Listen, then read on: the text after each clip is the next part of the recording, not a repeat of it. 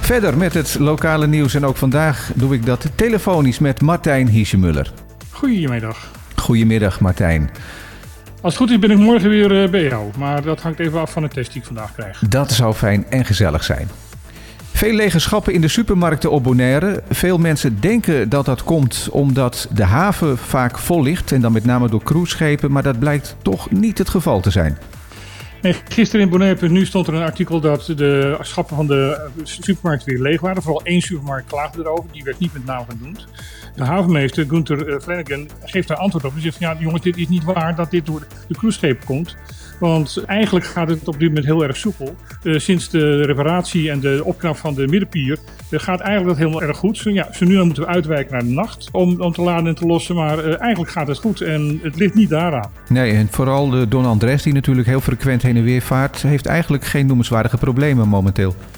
Door die middenpier, omdat ze daar kunnen aanleggen en gelijk van het schip af kunnen op en erop en eraf rijden. Ja, dat is met dat roll-on, roll-off systeem, hè? Ja, ja. ja.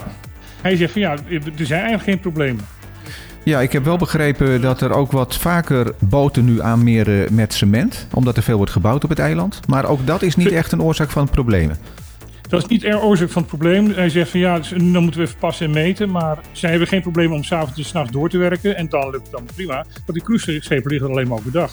Dan zijn er ook nog twee rederijen die niet via Curaçao, maar rechtstreeks naar Bonaire transporteren. Uh, die komen ook minder frequent, maar dat heeft een andere oorzaak.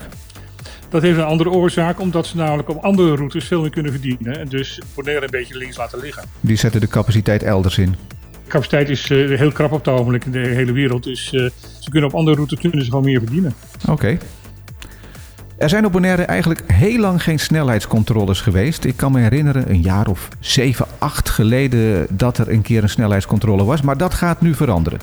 Dat gaat nu veranderen. Ze hebben nu uh, snelheidsmeters aangeschaft die langs de kant van de weg gezet kunnen worden. En op die manier de snelheid van auto's kunnen meten. Op 30 november, afgelopen dinsdag, zijn de controles geweest.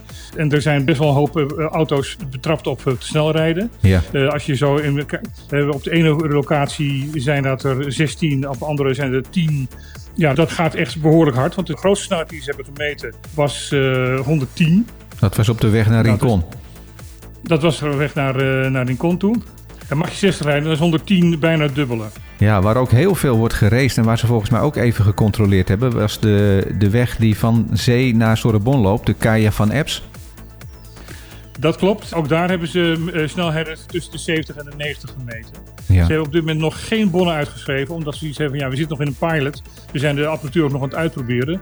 Maar dat gaat binnenkort veranderen en dan gaan er ook echt bonnen uitgedeeld worden. Ja, nou, u bent gewaarschuwd als u vaak te hard rijdt, luisteraar. En, ja, en laten we kijken van, uh, of dat gaat helpen met het aantal uh, ongelukken die er al gebeuren. Ja, inderdaad. Zal zeker een klein beetje gaan helpen. Nou, slecht nieuws weer over de tarieven van elektriciteit en water, want de subsidie op zowel water en stroom vervalt toch daadwerkelijk. Het gaat daadwerkelijk vervallen. Er is nog een hoop moeite gedaan om te kijken of het, om het toch nog te kunnen behouden. Het zijn de subsidies op de vaste kosten. Ja, het, het vast gebruikstarief.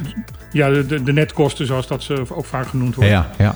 Dat is een vast bedrag en dat gaat weer stijgen. Samen met de stijgingen van de, ja, de, de, de verbruikerskosten, die de afgelopen tijd behoorlijk de pan uit zijn gerezen. Uh, moeten mensen er rekening mee houden dat ze echt uh, 20, 30 dollar per maand meer gaan betalen. Ja, dat zijn serieuze verhogingen voor veel mensen. Ja, dan is er weer eens wat nieuws over de gevolmachtigde minister van Curaçao, onze vriend Carlos Manuel. Ja, uh, dat blijft een uh, mooi vervolgverhaal. Maar aan de andere kant, het is eigenlijk helemaal niet zo mooi. Nee. Want het is uh, ook tekenend voor uh, de regeringspartij MFK. Want daar hebben we dus de afgelopen weken ook al een aantal keer over gesproken. Dat daar ja, dingen gebeuren die eigenlijk gewoon niet door de beugel kunnen. Wat er nu blijkt is van dat ehm, meneer Manuel had eerst zijn, zijn broer aangenomen en daarna zijn schoonzus.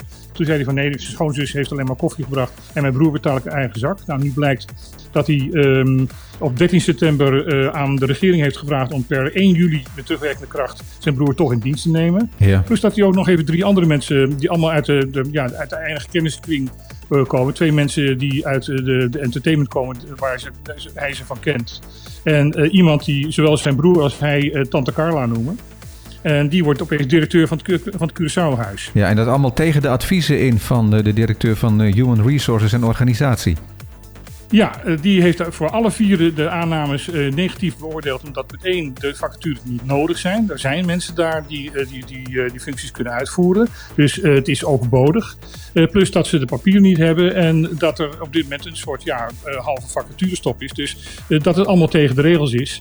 Maar desondanks heeft uh, minister-president Pisas uh, het toch gedaan. Ja. En toch de, de, de, contracten getekend. Met ook nog eens een keer een, uh, een extra bonus van 25% erbij. Ja, ik zie dat het salaris wat de broer van Carlton heeft gekregen... is vastgesteld op bijna 7000 gulden. Dus dat gaat ook niet om een klein beetje geld. Nee, en, en als dan je daar ook nog eens een keer 25% overheen gerekend wordt... terwijl de rest van het personeel en alle ambtenaren 12,5% moeten bezuinigen... Ja.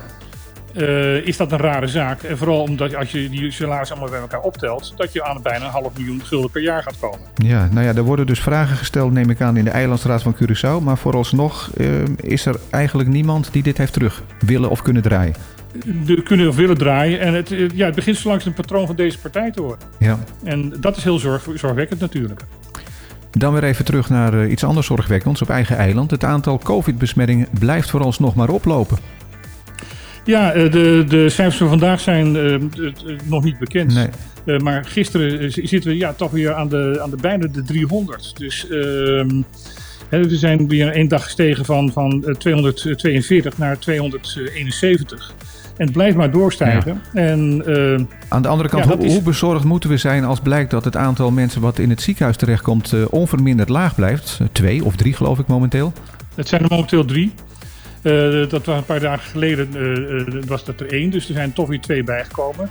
ook dat moet natuurlijk niet doorgaan, dat er één of twee mensen per dag bijkomen. Dan, dan zitten we snel aan de max. Ja. Maar er is een tendens dat er weinig mensen in het ziekenhuis terechtkomen. Dat zou kunnen te maken hebben dat mensen die gevaccineerd zijn en wel besmet raken, niet zo snel in het ziekenhuis terechtkomen. Ik denk dat dat een hele logische verklaring is.